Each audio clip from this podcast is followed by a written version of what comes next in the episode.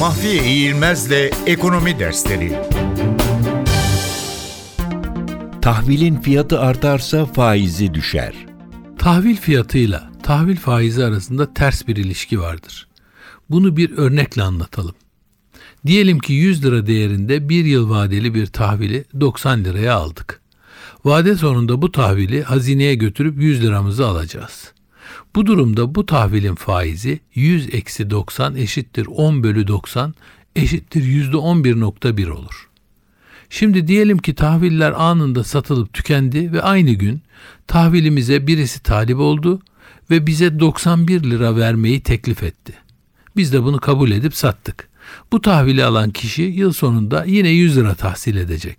Ama alacağı faiz bu kez 100 eksi 91 eşittir 9 bölü 91 o da eşittir %9.9 olacak. Bu durumda tahvilin fiyatı 90 liradan 91 liraya yükselmiş Buna karşılık faizi %11.1'den %9.9'a düşmüş olur. Sonuç olarak tahvilin ikinci piyasada fiyatı artıyorsa faizi düşüyor demektir.